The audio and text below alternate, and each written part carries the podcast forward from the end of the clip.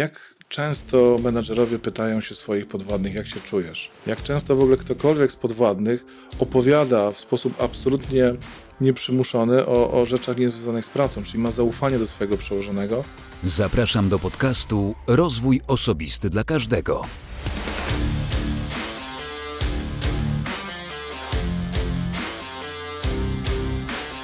Cześć, dzień dobry. Ja nazywam się Wojtek Struzik, a ty słuchać będziesz właśnie 224 odcinka podcastu Rozwój Osobisty dla Każdego, który nagrywam dla wszystkich zainteresowanych świadomym i efektywnym rozwojem osobistym. Dzisiaj rozmowa z gościem. Gościem dla mnie szczególnym, dlatego że Sławek kilkanaście lat temu przyjmował mnie do pracy, a w międzyczasie przyglądałem się jego karierze zawodowej, o której chwilkę za chwilkę. Natomiast to też będzie trochę zapowiedź mm, pewnego rodzaju, nie wiem czy przełomu, ale pewnej zmiany w podcaście, dlatego że zakładając ten podcast ponad 4 lata temu, myślałem o tym, że będę dzielił się swoim doświadczeniem. Doświadczeniem bardziej tym związanym z moją pracą zawodową, zarządzaniem ludźmi, rozwijaniem ich, rozwijaniem siebie, etc. I te treści właśnie będą dominowały. Przez jakiś czas być może, być może docelowo, tego jeszcze nie wiem, to zależy też w dużej mierze od Was, ale myślę, że ten odcinek będzie trochę takim otwierającym odcinkiem rozmowę właśnie wspierającą menadżerów, przyszłych menadżerów, osoby, które chcą się rozwijać dziś w tym kierunku, robić to lepiej, rozwijać siebie, pomagać rozwijać się swoim ludziom i zespołom, etc. Więc tutaj myślę, że w tym odcinku już taki przedsmak tego będzie, dlatego że mój dzisiejszy gość, Sławek Gucherek, był dyrektorem regionalnym w Leroy Merlin. To, to właśnie tutaj się spotkaliśmy, to właśnie tutaj mnie zatrudniał. Był również dyrektorem w firmie Shell, był dyrektorem w firmie Sephora, dyrektorem zarządzającym, był szefem operacji w MediaMarkt Saturn, Saturn Polska, był też e, założycielem firmy Sigmasem, czy założycielem firmy Mm, Coffee e, Coworking, a teraz jest szefem operacji w firmie Zico. Ta rozmowa nawiązuje do tego, w jakim kierunku idzie zarządzanie, czy warto jak warto się w związku z tym zmienić, czy zmienić nie tyle siebie, co swoje metody pracy z ludźmi, swoje metody zarządzania, jak się rozwijać w związku z tym, na co zwracać uwagę. Dlatego gorąco namawiam do wysłuchania rozmowy ze Sławkiem Ucherkiem właśnie teraz. Nazywam się Sławek Ucherek. E, w, w obecnej chwili jestem dyrektorem operacyjnym e, sieci aptek Zico, ale też sieci optyków i e-commerce Zico. No i generalnie z tym zawodem jestem konkretnym zawodem dyrektora operacyjnego jestem związany jakiś czas, bo to już kolejna firma, gdzie tą funkcję pełnię. E, krótko, zwięźle i na temat. Mm, ten temat sobie właśnie podrążymy dzisiaj. Porozmawiamy o e, byciu menadżerem, e, top menadżerem, o drodze do bycia top menadżerem. Mm, ale zanim do tego przejdziemy, to ja zapytam, tak jak pytam wszystkich gości w tym podcaście, czy masz sprecyzowane albo jakie masz tak naprawdę, z jakich narzędzi rozwojowych korzystasz? Co to jest takiego, co czujesz, że cię rozwija?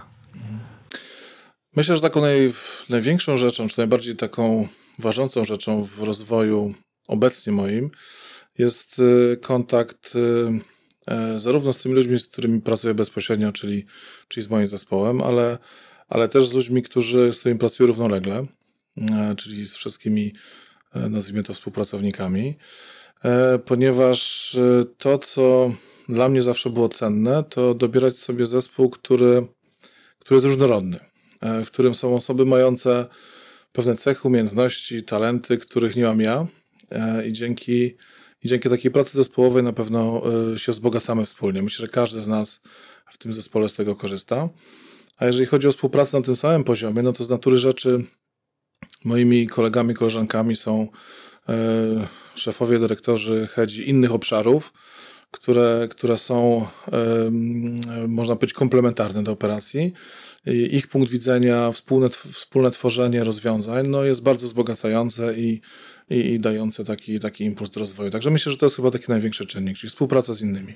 Czyli jak mówisz, że jesteś szefem operacji, to rozmowa z dyrektorem finansowym, rozmowa z, tak. z dyrektorem działu zakupów na przykład, tak? Wspólne projekty, wspólne, wspólne akcje, projekty. czyli E, no bo wszyscy, że tak powiem, płyniemy tym, tą, tą samą łódką, można powiedzieć, tym samym jachtem żeglujemy. I, I w momencie, kiedy z jednej strony mamy jakieś cele, jakieś budżety, z drugiej strony napotykamy na jakieś trudności, na jakieś, no sukcesy wiadomo są tą prostszą rzeczą, natomiast na jakieś trudności, no to rozwiązujemy wspólnie i e, dyskutujemy, wymieniamy się opiniami, e, w jakikolwiek sposób współtworzymy e, każdy według swojej najlepszej wiedzy z obszaru, który reprezentuje. I to naprawdę bardzo mocno otwiera horyzonty i pokazuje, że. Że dobre rozwiązania składają się z wielu punktów widzenia e, i, i, warto e, je brać pod uwagę po prostu, więc to jest taki czynnik bardzo otwierający. O. Czyli innymi słowy, nie być najmądrzejszym w pokoju. O, tak, dokładnie.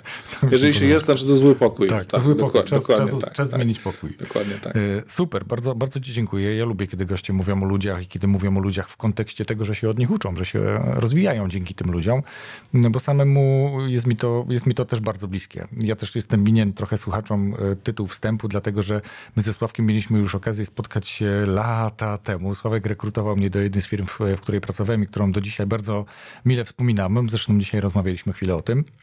I takie ciekawe spotkanie po latach też pokazuje, że raz, ta firma faktycznie e, powoduje, że ludzie mają ze sobą jakiś kontakt, a dzisiaj dzięki temu możemy sobie porozmawiać, bo Sławek naprawdę od momentu, kiedy my podaliśmy sobie rękę i powiedzieliśmy, to dzisiaj jesteś w tej firmie i mówimy sobie w tej firmie po imieniu, ja to pamiętam jak dzisiaj, to, to faktycznie spotykamy się i możemy teraz porozmawiać o tym, co się działo w międzyczasie. Ale zanim co się działo w międzyczasie, to jakbyś mm, możliwie w pastylce przedstawił swoją ścieżkę rozwoju jako menadżera. Jakie były te początki i i co doprowadziło cię do tego, że dzisiaj jesteś top menadżerem w kolejnej dużej organizacji?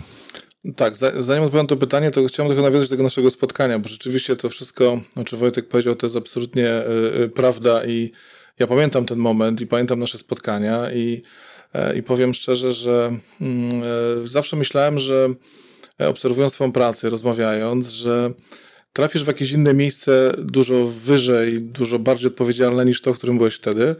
E, natomiast rzeczywiście to dzisiejsze nasze spotkanie, choćby to, że siedzimy teraz przed mikrofonami, rozmawiamy, jest, jest bardzo moją niespodzianką i, i, e, i z drugiej strony bardzo się cieszę, że robisz to, co robisz. Bo uczenie, pokazywanie ludziom, jak ważny jest rozwój, jak ważne jest to, żeby, żeby siebie przede wszystkim rozwijać, e, to, to, to bardzo istotna rzecz, zarówno w pracy, ale też w życiu, w życiu prywatnym. A teraz wracając do Twojego pytania, jaka była moja przygoda, e, czy moje, moje początki i, i co mnie doprowadziło do tego miejsca, w którym jestem.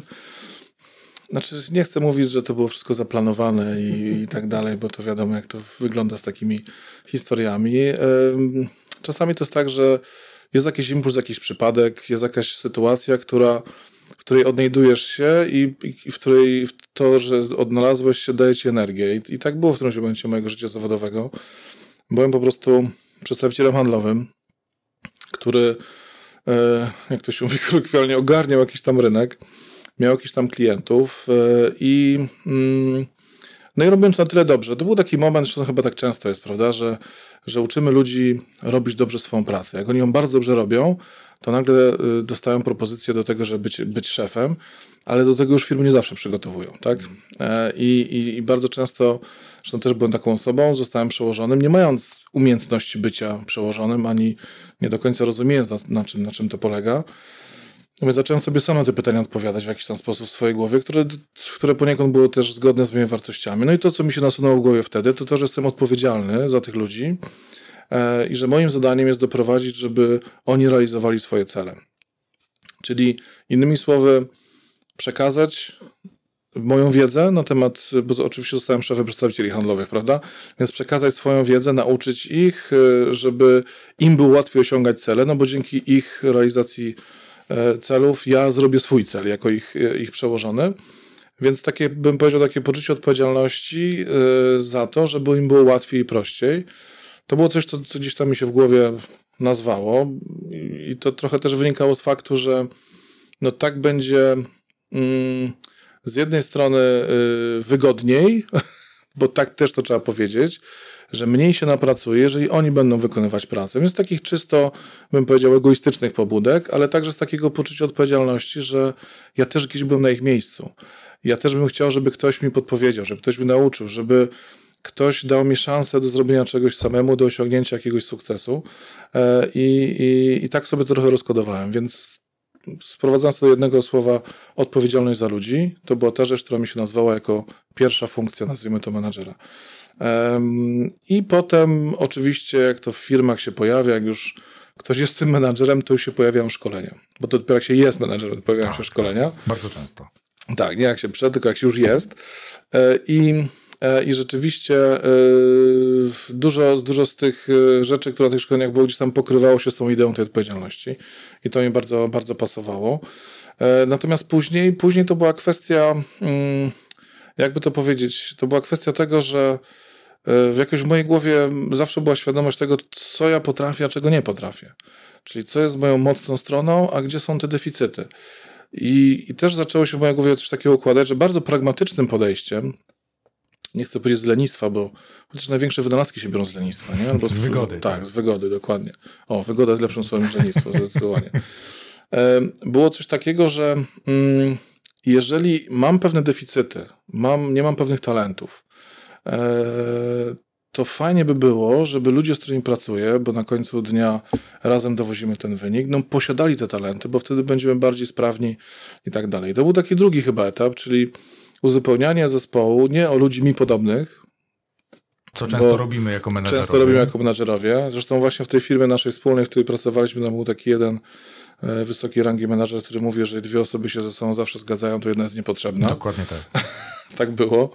I, I oczywiście taki dosyć drastyczny, drastyczny przykład, ale myślę, że coś w tym jest. Więc, więc chodziło mi o to, żeby budować zespoły, które są bardzo różnorodne.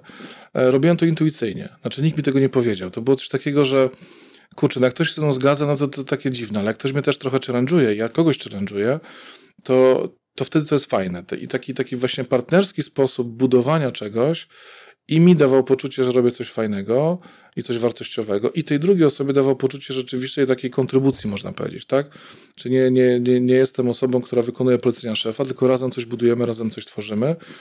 E, I, I wtedy nazwało mi się to w ten sposób, że różnica pomiędzy mną a moim podwładnym nie polega na, na niczym innym, jak na większym, większej odpowiedzialności e, za jakąś tam część bo ja odpowiadam powiedzmy za cały dział, a, a osoba, z którą współpracuję, odpowiada za jakąś tam mniejszą część. I to jest jedyna różnica. Wszystkie inne rzeczy e, tak naprawdę e, traktuję po partnersku i, i buduję to w sposób taki, żeby, żeby po prostu ludziom chciało się uczestniczyć, bo do, wkładają coś do tego projektu. I, i to był chyba taki taka, taka druga, nazwijmy to, rewolucja w, w, w, moim, w moim tym warsztacie, takim nazwijmy to przywódczym.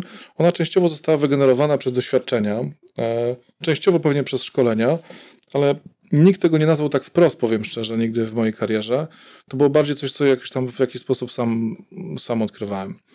E, i, I myślę, że to jest, e, mm, to jest taki drugi krok. I trzeci krok, który chyba że będzie ostatnim krokiem, w takich trzech krokach byśmy to zrobili. To jest taki krok, w którym jestem gotowy na to, żeby do swojego zespołu zatrudnić kogoś, kogo oceniam i widzę, że ma potencjał większy niż ja. Czyli zrekrutowanie kogoś, kto potencjalnie może być moim przełożonym. I uważam, że to jest, y, to jest osoba, od której się mogę mnóstwo nauczyć. To jest osoba, która będzie mnie najbardziej challenge'ować. To jest osoba, która y, w odpowiednim momencie powinna do, dostać szansę robienia większych rzeczy niż nawet ja, jako osoba, którą, e, która ją zatrudniała do pracy. I może powstać pytanie, czy już to się zrealizowało? Czy już udało mi się gdzieś tam pozyskać osobę, która, e, która e, została moim przełożonym? Nie, nie udało mi się, ale udało mi się pozyskać osoby, które zostały na tym samym szczeblu, co ja w organizacjach, czyli, czyli poniekąd, e, które, które pracowały na tym samym poziomie organizacyjnym co ja, natomiast na, ten, na ten, e, taką wisienkę na torcie jeszcze czekam. Okay. I to jeszcze jest przede mną. Także to, to, tak, nie wiem, czy to, to było pokrótce, ale. ale, nie, no, ale bardzo, tak. bardzo dobrze, e, mhm. bo to jakby daje nam też do zrozumienia, czy jakby pokazuje słuchaczom podcastu, wiesz, bez E, ubierania jakby pewnych historii w jakieś wielkie słowa, to co sam powiedziałeś, że to sobie zaplanowałem, e, to była ścieżka mojej kariery, od początku wiedziałem, co chcę robić i tak dalej. Zwykle tak nie jest, e, natomiast ludzie już, wiesz, no kłamstwo, które jest powtarzane wiele razy, staje się gdzieś komuś w głowie prawdą i, i później ludzie żyją na tych historiach i budują, nie wiem, książki piszą o tym.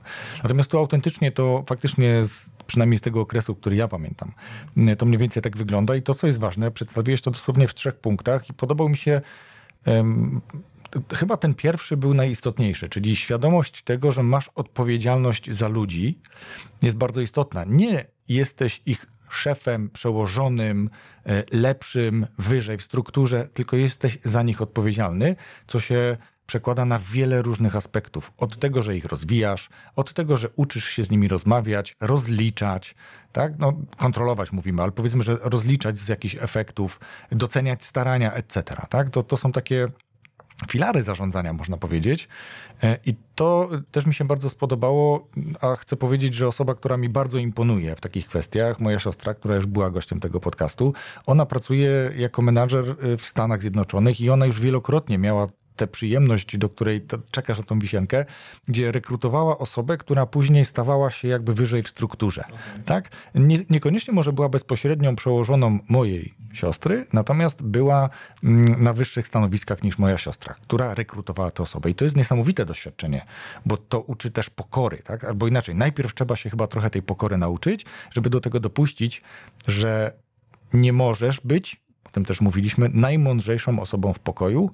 Musisz być raczej, czy powinieneś być osobą, która właśnie dobiera tą różnorodną, e, różnorodny zespół. Nie? Tak, to ma otwartą głowę też, jest gotowa mhm. na to, żeby, żeby zaakceptować fakt, że, że czegoś jeszcze nie wie, że czegoś się może nauczyć, że właśnie ktoś, ktoś ma większą wiedzę, ma większy talent w jakiejś dziedzinie. Znaczy taka, taka pokora, myślę, że to dobre słowo, którego użyłeś, taka, taka pokora E, której, której, e, którą w moim, moim zdaniem e, menadżerowie, liderzy, mm, skuteczni liderzy, dobrzy liderzy powinni mieć w sobie, bo niestety, mm, nie wiem, czy to dobry przestrzeń na, tak, na, takie, na taką, takie przemyślenie czy obserwacje, wielokrotne obserwacje, że w naszej szerokości geograficznej często słowo lider, czy, czy, czy menadżer, czy kierownik, dyrektor, prezes, no niestety wiąże się z dużym ego. E, i z poczuciem takiego, takiej wszechwiedzy i z poczuciem tego, że jestem lepszy niż inni, bo mam te dwie czy jedną gwiazdkę więcej na pagonach. No i myślę, że to jest duży, mm, duża blokada rozwoju organizacji, e, duża blokada dla samych organizacji, ale też dla ludzi, którzy w organizacjach są. Wydaje mi się, że ta otwartość, to ta gotowość na to, żeby przyjąć inny punkt widzenia, żeby zaprosić kogoś kto ma duże, duże umiejętności, duży talent, większy nawet od samego szefa, to jest to, czego, czego ja obserwuję bardzo duży deficyt cały czas e, jeszcze. E, I, I właśnie brak tej pokory takiej trochę, tak? E, tej, tego właśnie, tego, ten przerost ego czasami. Niektórym się wydaje, że skoro zostali wysoki, menedżerami wysokiego szczebla, no to już są, to zostali dotknięci tym palcem Bożym. A myślę, że to jest jeszcze większa odpowiedzialność niż ten kierownik niższego szczebla. I to powinna być jeszcze większa pokora, a nie, a nie odwrotnie. Wiem, że to są takie trochę może wyświechtane słowa, ale, ale jak się ktoś czuje to, to, to dokładnie wie, o czym mówię.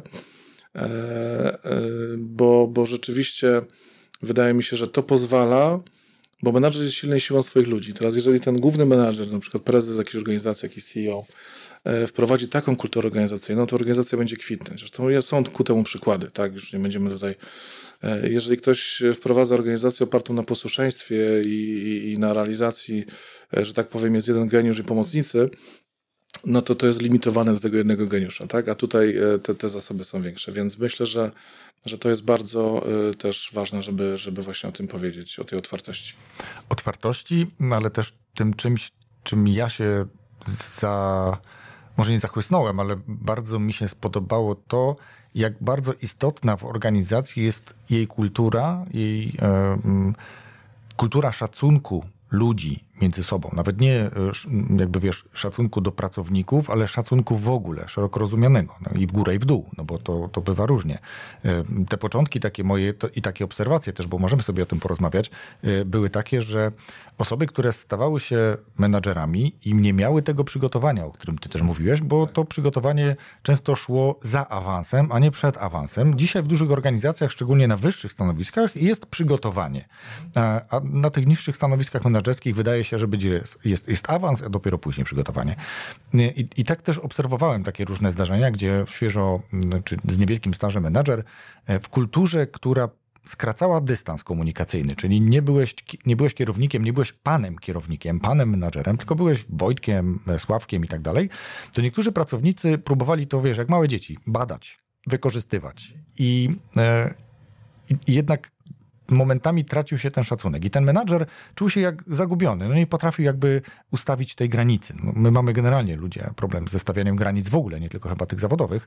Więc to przygotowanie jest dosyć istotne. I jakby tutaj chcę przejść teraz do, do tego pytania w tych organizacjach, w których pracowałeś. Y, jak to wyglądało? Albo które z tych modeli, które te organizacje miały, te tych modeli rozwojowych, szkoleniowych, wdrożeniowych, onboardingowych. Który z takich modeli, sposobów rozwijania ludzi, rozwijania ludzi być może przed awansem, e, wydawał się być, czy jest według Ciebie najbardziej skutecznym, taki, który później dostarczał widoczne rezultaty w postaci, nie wiem, lepszego zarządzania, lepszej kultury, wzrostu organizacji? Tak, no, znaczy to jest dobre pytanie, ponieważ rzeczywiście znaczy, trudno mi tak jednoznacznie na to pytanie mhm. odpowiedzieć, że w tej organizacji taki model i opiszę go trzema punktami. To tak, tak pewnie nie.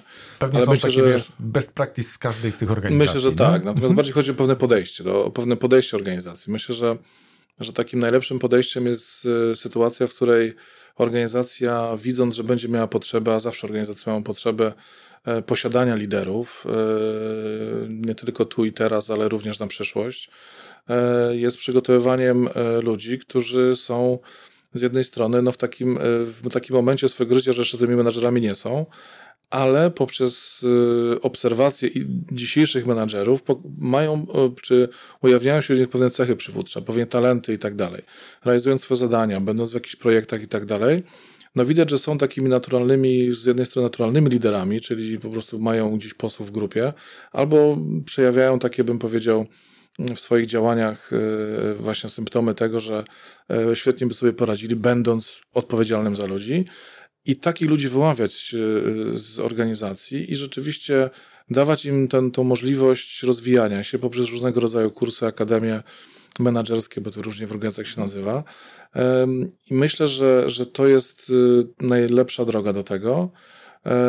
Natomiast ważnym, ważnym czynnikiem jest, jak to kiedyś ktoś zapytał, E, jaki jest pierwszy krok do tego, żeby być w Navy SEALs?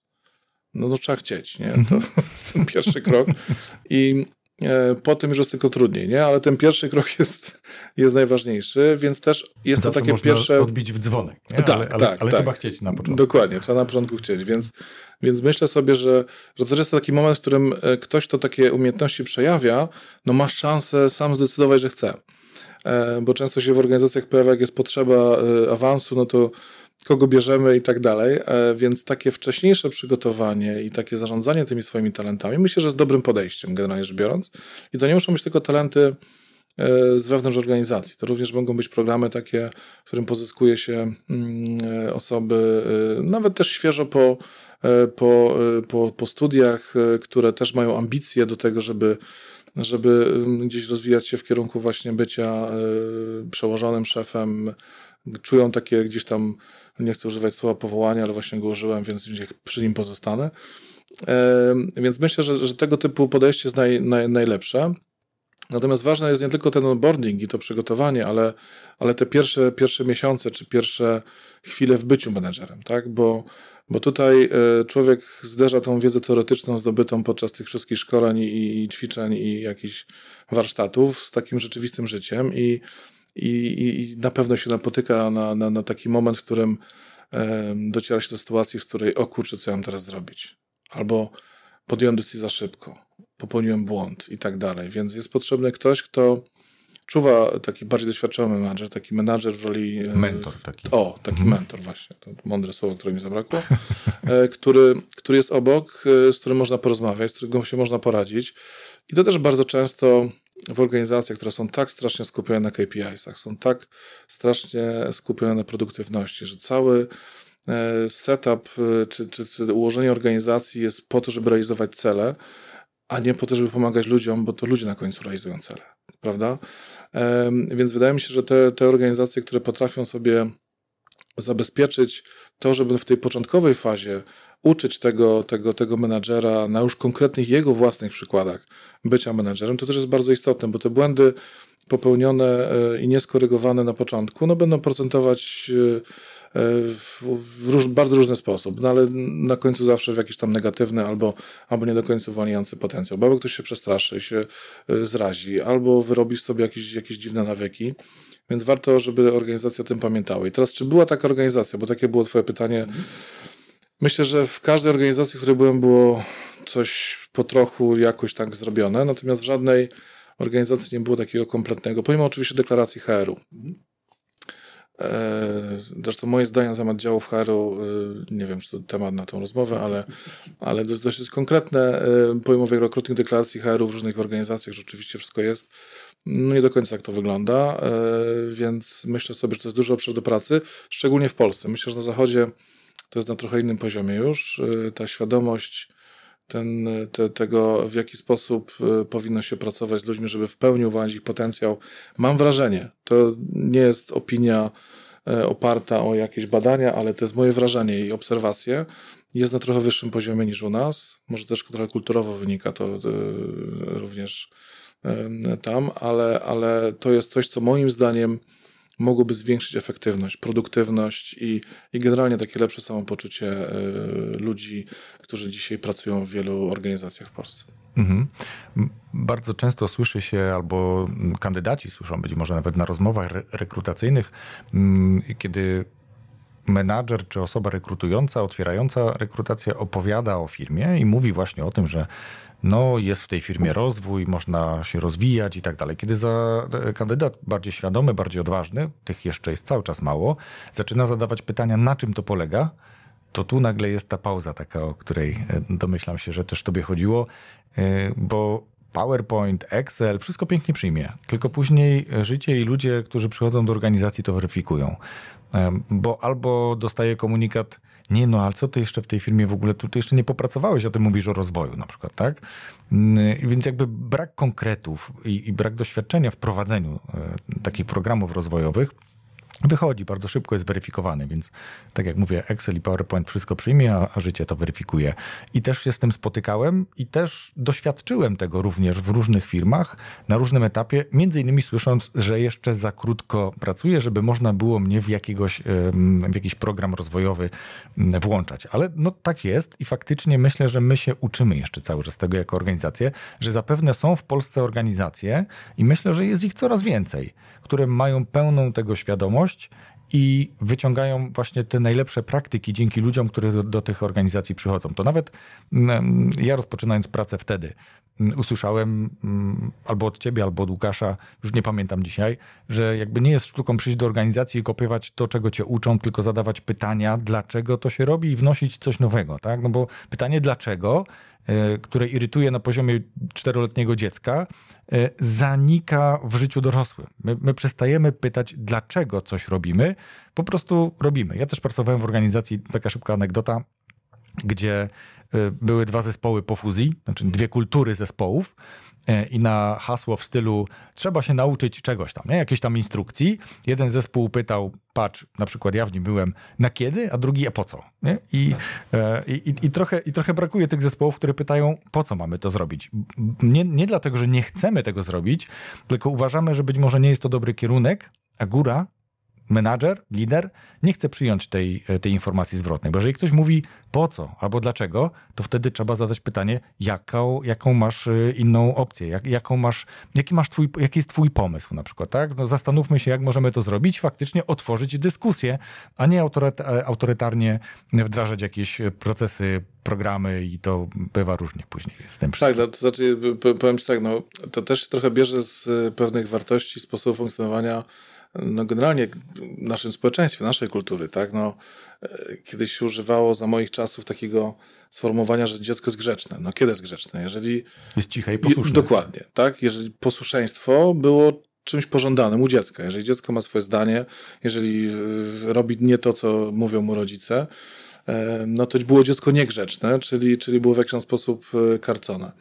Więc myślę sobie, że, że to wychowanie, a dzisiaj to pokolenie w, z tych naszych y, czy moich czasów, no dzisiaj jest na wysokich stanowiskach menedżerskich, tak? Y, no bo to jest to pokolenie właśnie lat 70., 80., które było właśnie w takim duchu wychowywane, więc, y, więc to posłuszeństwo jest wpisane gdzieś w tą naszą kulturę, tak? I myślę sobie, że e, to, co do nas przychodzi no z zachodu, bo trzeba to otwarcie powiedzieć, e, to takie większe nastawienie właśnie na na budowanie czegoś partnerskiego, na, na, na kwestionowanie tego status quo, tak? na to, żeby ta kultura startupów generalnie, która, która przecież my Mamy mnóstwo polskich startupów, które, które odnoszą sukcesy na świecie i jak się spojrzy na kulturę startupu, to tam generalnie polega to na tym, że, że się kwestionuje status quo, tak? że się tworzy innowacje, że się e, myśli progresywnie i tak dalej.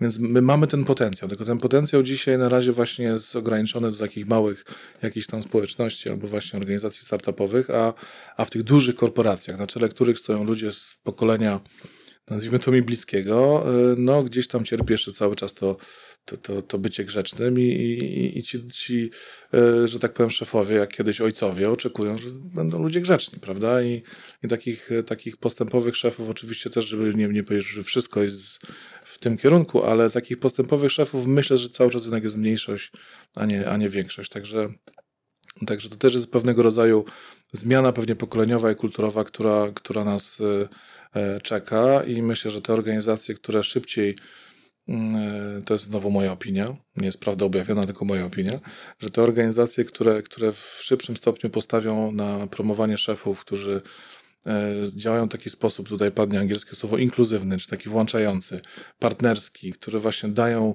szansę na popełnienie błędu, na kwestionowanie tego, co było, to będą te organizacje, które będą miały przewagę nad swoją konkurencją, która będzie myślała bardziej w sposób e, tradycyjny. Takie, takie jest moje zdanie. To teraz przekładając to na język ludzki, albo przekładając to na człowieka może, bo mówimy o organizacjach.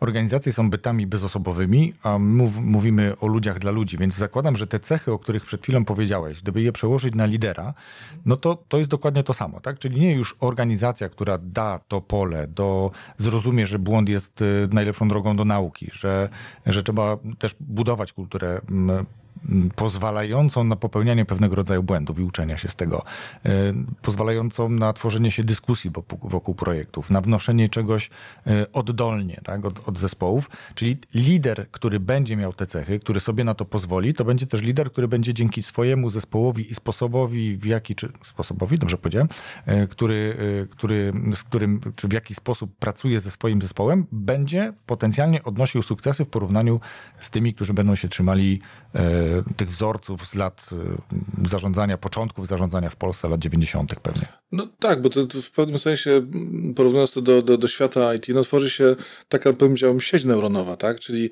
każda głowa pracownika jest zaangażowana, oni chcą coś robić. Do organizacji, w których jedna głowa jest zaangażowana, a reszta to są wykonawcy, tak? Więc, y, więc to, tam, gdzie, gdzie, gdzie tych głów, że tak powiem, zaangażowanych jest więcej i wykorzystuje się ich potencjał, no powstaną rozwiązania, które są lepsze, które są lepiej dopasowane, lepiej wyważone, e, w których będzie e, e, ta tendencja właśnie do tego, żeby nawet jak się popełniło błąd, który jest na to jest przyzwolenie, żeby ten błąd popełnić, to na tym błędzie się nauczy i kolejny raz zrobi lepiej, a inne organizacje, te drugie organizacje są zblokowane, tak, przed popełnieniem błędu. Znaczy w moim odczuciu to też się trochę wiąże z czymś, co mnie osobiście bardzo irytuje i doświadczyłem tego wielokrotnie, w tym takim, nazwijmy to, kapitalizmie nowoczesnym, e, to jest taki dyktat udziałowców, który przeradza się na ciśnienie na KPI, na osiąganie. Religią jest dostarczanie wartości udziałowcom. I myślę, że, że ta gonitwa za tym dostarczaniem tylko tej jednej grupie, yy, oczywiście istotnej, no bo to są ci, którzy, którzy tą firmę powołali, że tak powiem, do, do, do, do, do bytu, do życia, ale skupienie się całej organizacji na tym, żeby dowozić tą wartość, żeby ten zwrot dla udziałowca był, był jedynym celem, e, że tak powiem, funkcjonowania organizacji, albo był jedyną rzeczą, która jest zawarta w celach, KPI i tak dalej, powoduje właśnie sytuację, w której nic innego nie jest istotne. Tak? Jest istotne tylko, nie jest istotne to, czy robisz to w atmosferze takim, że, że ludziom się chce, że się angażują, że się rozwijają. Ważne jest, żeby na koniec kwartału, w przypadku spółek giełdowych, bądź na koniec dowolnego okresu w przypadku spółek właścicielskich, żeby właściciel był zadowolony. I myślę, że, że to jest coś, co gdzieś chyba umknęło e, od takiej pierwotnej idei e, pewnych, że tak powiem, liberałów, gdzie, gdzie biznes e, działał nie tylko dla udziałowców, ale również działał dla otoczenia, w którym się znajduje, dla środowiska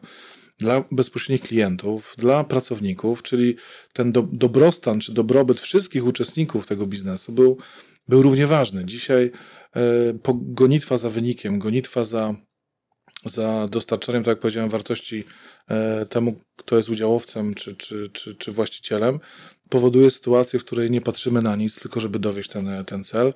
E, boimy się błędów, bo błędy są wytykane, bo błędy, a błędy są, że tak powiem, istotną częścią e, rozwoju. I to powoduje, że, że promujemy też ludzi, którzy są skuteczni.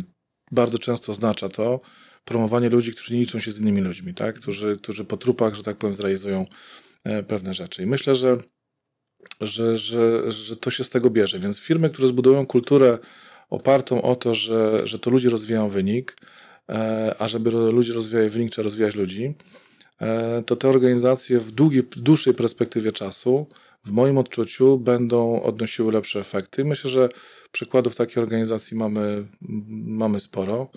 E, nawet są też publikacje, które, które to opisują, czy wieloletnie badania, które to pokazują, że odpowiedni sposób przywództwa powoduje, że, że organizacja w sposób bardziej stabilny się rozwija, ponieważ tworzy kulturę, w której ludzie są zaangażowani, w której są doceniani, w której właśnie yy, kładzie się nacisk na to, że to ludzie robią wynik. Wynik nie robi się sam, yy, tylko ludzie robią wynik. I myślę, że, że to jest takie no, dosyć istotne w moim odczuciu, żeby o tym pamiętać. Myślę, że tak. Tu to, co powiedziałeś, jeszcze od razu sobie zanotowałem zrównoważony rozwój, czyli jakby to, że pewne normy na nas narzucone, na nas liderów, na firmy, e, przyczyniają się do tego, że buduje się trochę też ta świadomość, że właśnie nie jest tylko rynek udziałowców, rynek właścicielski i te organizacje chcąc, nie chcąc muszą się trochę angażować w życie społeczne, społeczeństwa czy społeczności lokalnej, dbać o ochronę środowiska, o ekonomię i ekonomikę generalnie. Tak, tak? to się o, zaczyna, tak. O, to, tak. to, to jest coś, co jeszcze cały czas kiełkuje, tak? I, i ludzie na razie ograniczają się do tego, ludzie, firmy, no, duże ogólnienie może, ale że pokazują, że nie wiem, dbamy o środowisko i to jest jakby filar tego zrównoważonego rozwoju. A to jest tylko jeden z elementów całej tej agendy, która, która tam była, czy jest jakby cały czas aktualna. Natomiast myślę, że to, co jest też istotne e, i o czym ty właśnie też powiedziałeś, to jest ta świadomość tego, że, że nie ma w, w tym rynku, w tym, w, w, tym obszarze zarządzania ludźmi, przy, przewodzenia ludziom, o może w ten sposób, przewodzenia ludziom, nie ma nic stałego. Nie ma rzeczy, które jak się dzisiaj nauczysz, to, to, to, to ona się będzie sprawdzać. To nie jest tak, że jak przeczytasz książkę Giulianiego, e, to te metody, które on wtedy opisywał i wtedy stosował w Nowym Jorku, e, to one się dzisiaj sprawdzą tobie w organizacji. One wtedy by sprawdziły się, no, zadziałały. Natomiast dzisiaj nie do końca. Nie? Jakby to zero tolerancji e, dzisiaj w organizacji też się nie sprawdzi, szczególnie przy tych nowych pokoleniach, tak? młodych ludziach, gdzie no, to trzeba trochę więcej tolerować niż tolerowaliśmy 20 lat temu, kiedy zaczynaliśmy być menadżerami na przykład. Więc to jest chyba też ta świadomość. Y, tak reasumując, bym powiedział, to jest taka duża świadomość swojej niedoskonałości i tego, że zawsze są i będą obszary, y, które inni będą mieli bardziej rozwinięte i tych ludzi trzeba poszukiwać i z tymi ludźmi nawiązywać relacje, współpracować, uczyć się od nich, dawać im nowe, ciekawe projekty, a nawet awansować i tworzyć, jakby powodować, że będą naszymi szefami. Tak? No bo, bo przeskoczyli nas w rozwoju na przykład, nie? Tak, znaczy ja myślę, że to, y, bo my tak jesteśmy trochę na pograniczu tej kultury wschodu i zachodu, jak to często się podkreśla. E, chociaż moja osobista teza, że, że nie, nie, użyję tego słowa, niestety nam bliżej do tego wschodu jednak. Jeszcze cały czas. Cały czas, mhm. E, że na zachodzie liczy się jednostka, e, że i to w wielu, to się przejawia w wielu zachowaniach. Już, nie powiem nawet o, o zachowaniach, nie wiem, ekstremalnych sytuacjach, jakim jest, nie wiem, sytuacja wojny, frontu, gdzie, gdzie wielokrotne przykłady w armii e, krajów zachodnich, gdzie każdy żołnierz jest istotny i robi się wszystko, żeby tego żołnierza no uratować. Man behind. Dokładnie Left tak. Behind. I a, a nikogo sytuacja, nie, nikogo nie zostawiamy. Nikogo nie zostawiamy. Tak. Nawet w tak ekstremalnych sytuacjach patrzy się na to, że, że każdy jest ważny, każda jedna osoba. Natomiast im bardziej się idzie na wschód, y, tym, tym liczą się bardziej masy, liczy się jakaś ideologia i tak dalej. I myślę sobie, że, że, y, że tak trochę też jest w organizacjach, że E, my w pewnym sensie jesteśmy odzwierciedleniem no, społeczeństwa, w którym jesteśmy. Tak? No, trudno, żebyśmy byli jakoś diametralnie e, inni kulturowo, więc, więc myślę sobie, że im bardziej będziemy adoptować tą, tą, tą ideę, że każdy człowiek jest ważny, tym więcej pojawi się szacunku do drugiego człowieka, niezależnie od ilości gwiazdek na pagonach w organizacjach. No bo wiadomo, że organizacje są, są trochę ułożone jak armia, jak wojsko, prawda? Jest struktura, jest hierarchia. Oczywiście nowoczesne organizacje coraz mniej stosują takie sztywne struktury, ale, ale zdecydowana większość je cały czas stosuje, tak? Więc im mniej będzie się patrzyło na to, gdzie się jest w tych, tych prostokątach na e, rozpisanej strukturze, bardziej się będzie widziało człowieka, który ma jakieś nie tylko talenty i, i umiejętności, tudzież jakieś deficyty talentów i umiejętności, ale ma też swoje emocje. Jak często menadżerowie pytają się swoich podwładnych, jak się czujesz? Jak często interesują się tym, że jakaś sytuacja, która wydarzyła się w życiu prywatnym tego człowieka, może mieć wpływ w danym momencie na jego poziom motywacji i tak dalej. Jak często w ogóle ktokolwiek z podwładnych opowiada w sposób absolutnie nieprzymuszony o, o rzeczach niezwiązanych z pracą, czyli ma zaufanie do swojego przełożonego, to są rzeczy, które spotykają, które spotyka się naprawdę nie aż tak często, bym powiedział. Nie chcę powiedzieć rzadko, tylko nie aż tak często. I myślę sobie, że, że wszyscy ci z nas, którzy być może będą nas słuchać, yy, moim zdaniem powinni sobie zrobić taki rachunek sumienia. Czy, czy moi ludzie mi opowiadają, czy dzielą się ze mną, czy traktują mnie jako partnera, czy rozmawiamy tylko o rzeczach służbowych i na ile oni zadają mi pytania, na ile ja im zadaję pytania, czyli na ile rzeczywiście e, zapraszam ich do uczestniczenia w tworzeniu tego, co razem, razem tworzymy. Myślę sobie, że ci, którzy, którzy to czują, to, to są tam, gdzie powinni być i wyciągają ze swojego zespołu wszystko to, co najlepsze. Ci, którzy na te pytania wszystkie odpowiedzą sobie, no niestety nie, to myślę, że, że, że tam jest potrzebny największy rozwój i, i z drugiej strony to dobrze, pod warunkiem, że oczywiście ktoś jest na ten rozwój otwarty i, i, e, i, będzie gotowy do tego, żeby tą drogę przejść, żeby widzieć w swoich podwładnych, w ludziach, którzy, którzy, którzy w jakimś tam sensie ode mnie zależą, partnerów, e, współpracowników, ludzi, którzy są razem ze mną, a nie pode mną, tak? bo to jest bardzo, bardzo ważne. Z mojego punktu widzenia przynajmniej. Znaczy, ja trochę mówię o swojej filozofii, ale, ale to takie było pytanie, więc trochę się dzielę tym i, i z mojego doświadczenia jest, wynika też to, że ja oczywiście starałem się jakiś dopasować do takiego stylu bardziej dyrektywnego. Tylko, że mi nie pasował, tak? To, to, to było coś takiego, no bo ktoś do mnie oczekiwał czegoś takiego, tak? Pamiętam w jednej organizacji, ktoś mi powiedział, Wisławek, musisz zrobić tak, że jeżeli jakiś tam dyrektor, w byłem dyrektorem operacyjnym w dużej firmie, no nie będę używał nazw, żeby tam nie, nie, nie lokować produktów ani firm. Ktoś powiedział, jeżeli masz takiego dyrektora, który trzy miesiące z rzędu nie realizuje wyniku, znaczy budżetu, to musisz go zwolnić z pracy. No i, i tak, takie, więc ja oczywiście yy, na początku mówię, kurczę, no coś w tym jest, tak? No ktoś nie robi wyniku, jesteśmy tu po to, żeby być wynik. Ale potem sobie kurczę, no czy to jest jedyny wymiar, w jaki można spojrzeć na tą sprawę?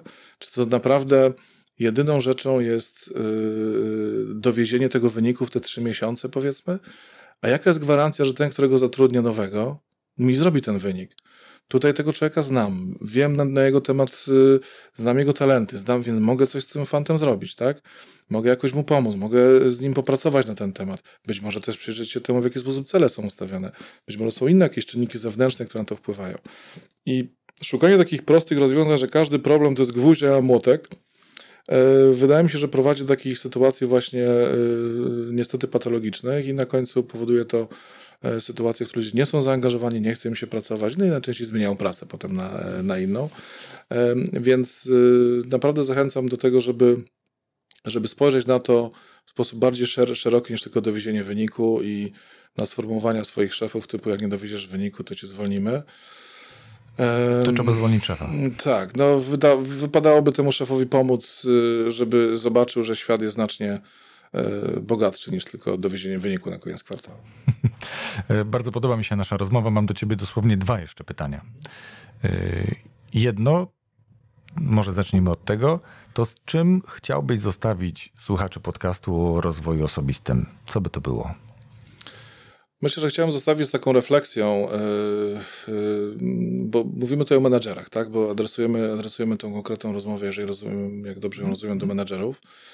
Znaczy, chciałem zostawić z taką refleksją, e, na ile dzisiaj e, znają swoich ludzi, ale znają swój, swój zespół, ale nie od strony tego, kto ile zrobił KPI-a w zeszłym e, okresie, tylko jakimi są ludźmi, jak się czują, w co jaki sposób, robić. co lubią robić, mhm. co jest dla nich, co jest ich pasją, na ile odnajdują się i cieszą się z tego, że są w tym miejscu, w którym są zawodowo. Jakie są ich marzenia zawodowe, ale nie tylko, żeby mm, rzeczywiście zastanowić się, na ile tworzymy zespół, e, bo zespół to według mojej definicji, ale to chyba nie jest tylko moja definicja, to nie, to nie grupa, która pracuje ze sobą, tylko grupa, która ma do siebie zaufanie. I, I żeby zadać sobie to pytanie, czy rzeczywiście mamy do siebie zaufanie nawzajem, e, to z, tym, z czymś takim chciałem zostawić e, naszych słuchaczy.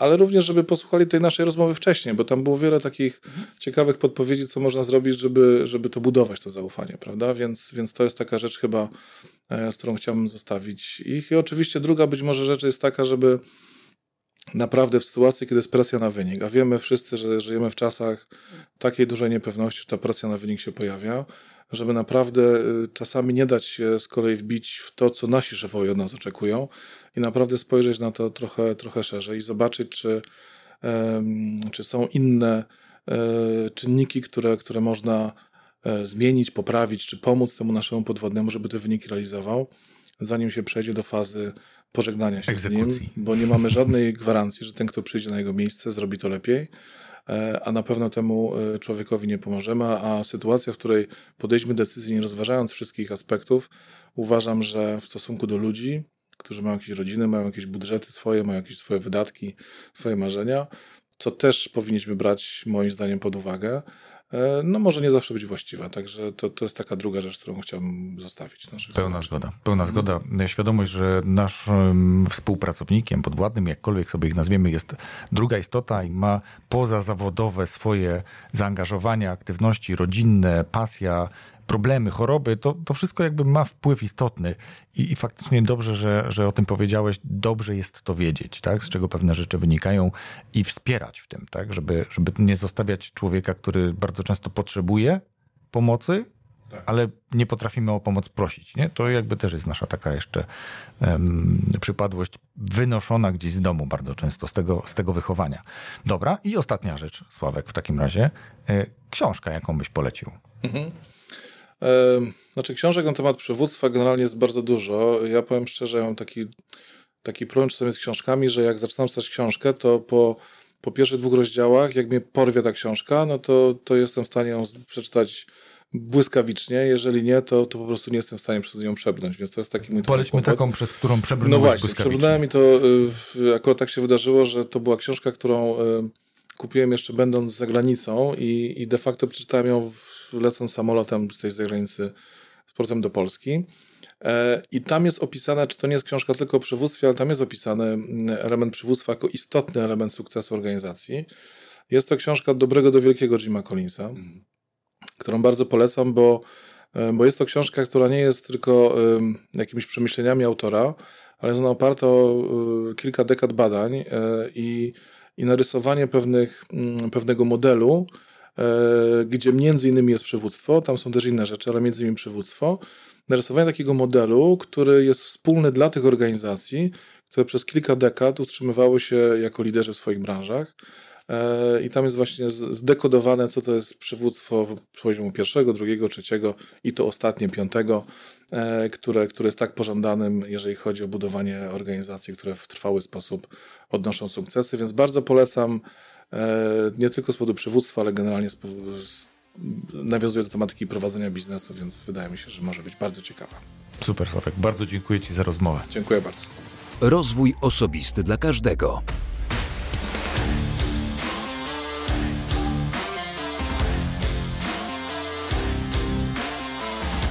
Dziękuję, że wysłuchałeś, wysłuchałaś tej rozmowy do końca. Wierzę, że znalazłeś, znaleźliście coś w tej rozmowie dla siebie, coś inspirującego, coś, co może pomóc Wam wybrać kierunek, e, zrozumieć pewne rzeczy, zrozumieć to, jak bardzo jesteśmy od siebie współzależni, zależni od ludzi, z którymi współpracujemy, mm, zależni w dobrym tego słowa znaczeniu oczywiście, e, bo mowa w dużej mierze przecież była o współpracy tym miejscu również pragnę podziękować swoim patronom za wsparcie, za dodawanie otuchy, za podpowiadanie tematów gości i wiele innych miłych, sympatycznych, ciepłych chwil. E, dziękuję i jeśli ty chcesz e, stać się patronem podcastu Rozwój Osobisty dla Każdego lub patronem bajkowego podcastu, to gorąco zapraszam do wejścia na stronę patronite.pl łamane przez RODK, a ja z góry za to bardzo serdecznie dziękuję. I słyszymy się już za tydzień w piątek z kolejnym nowym odcinkiem podcastu Rozwój Osobisty dla Każdego.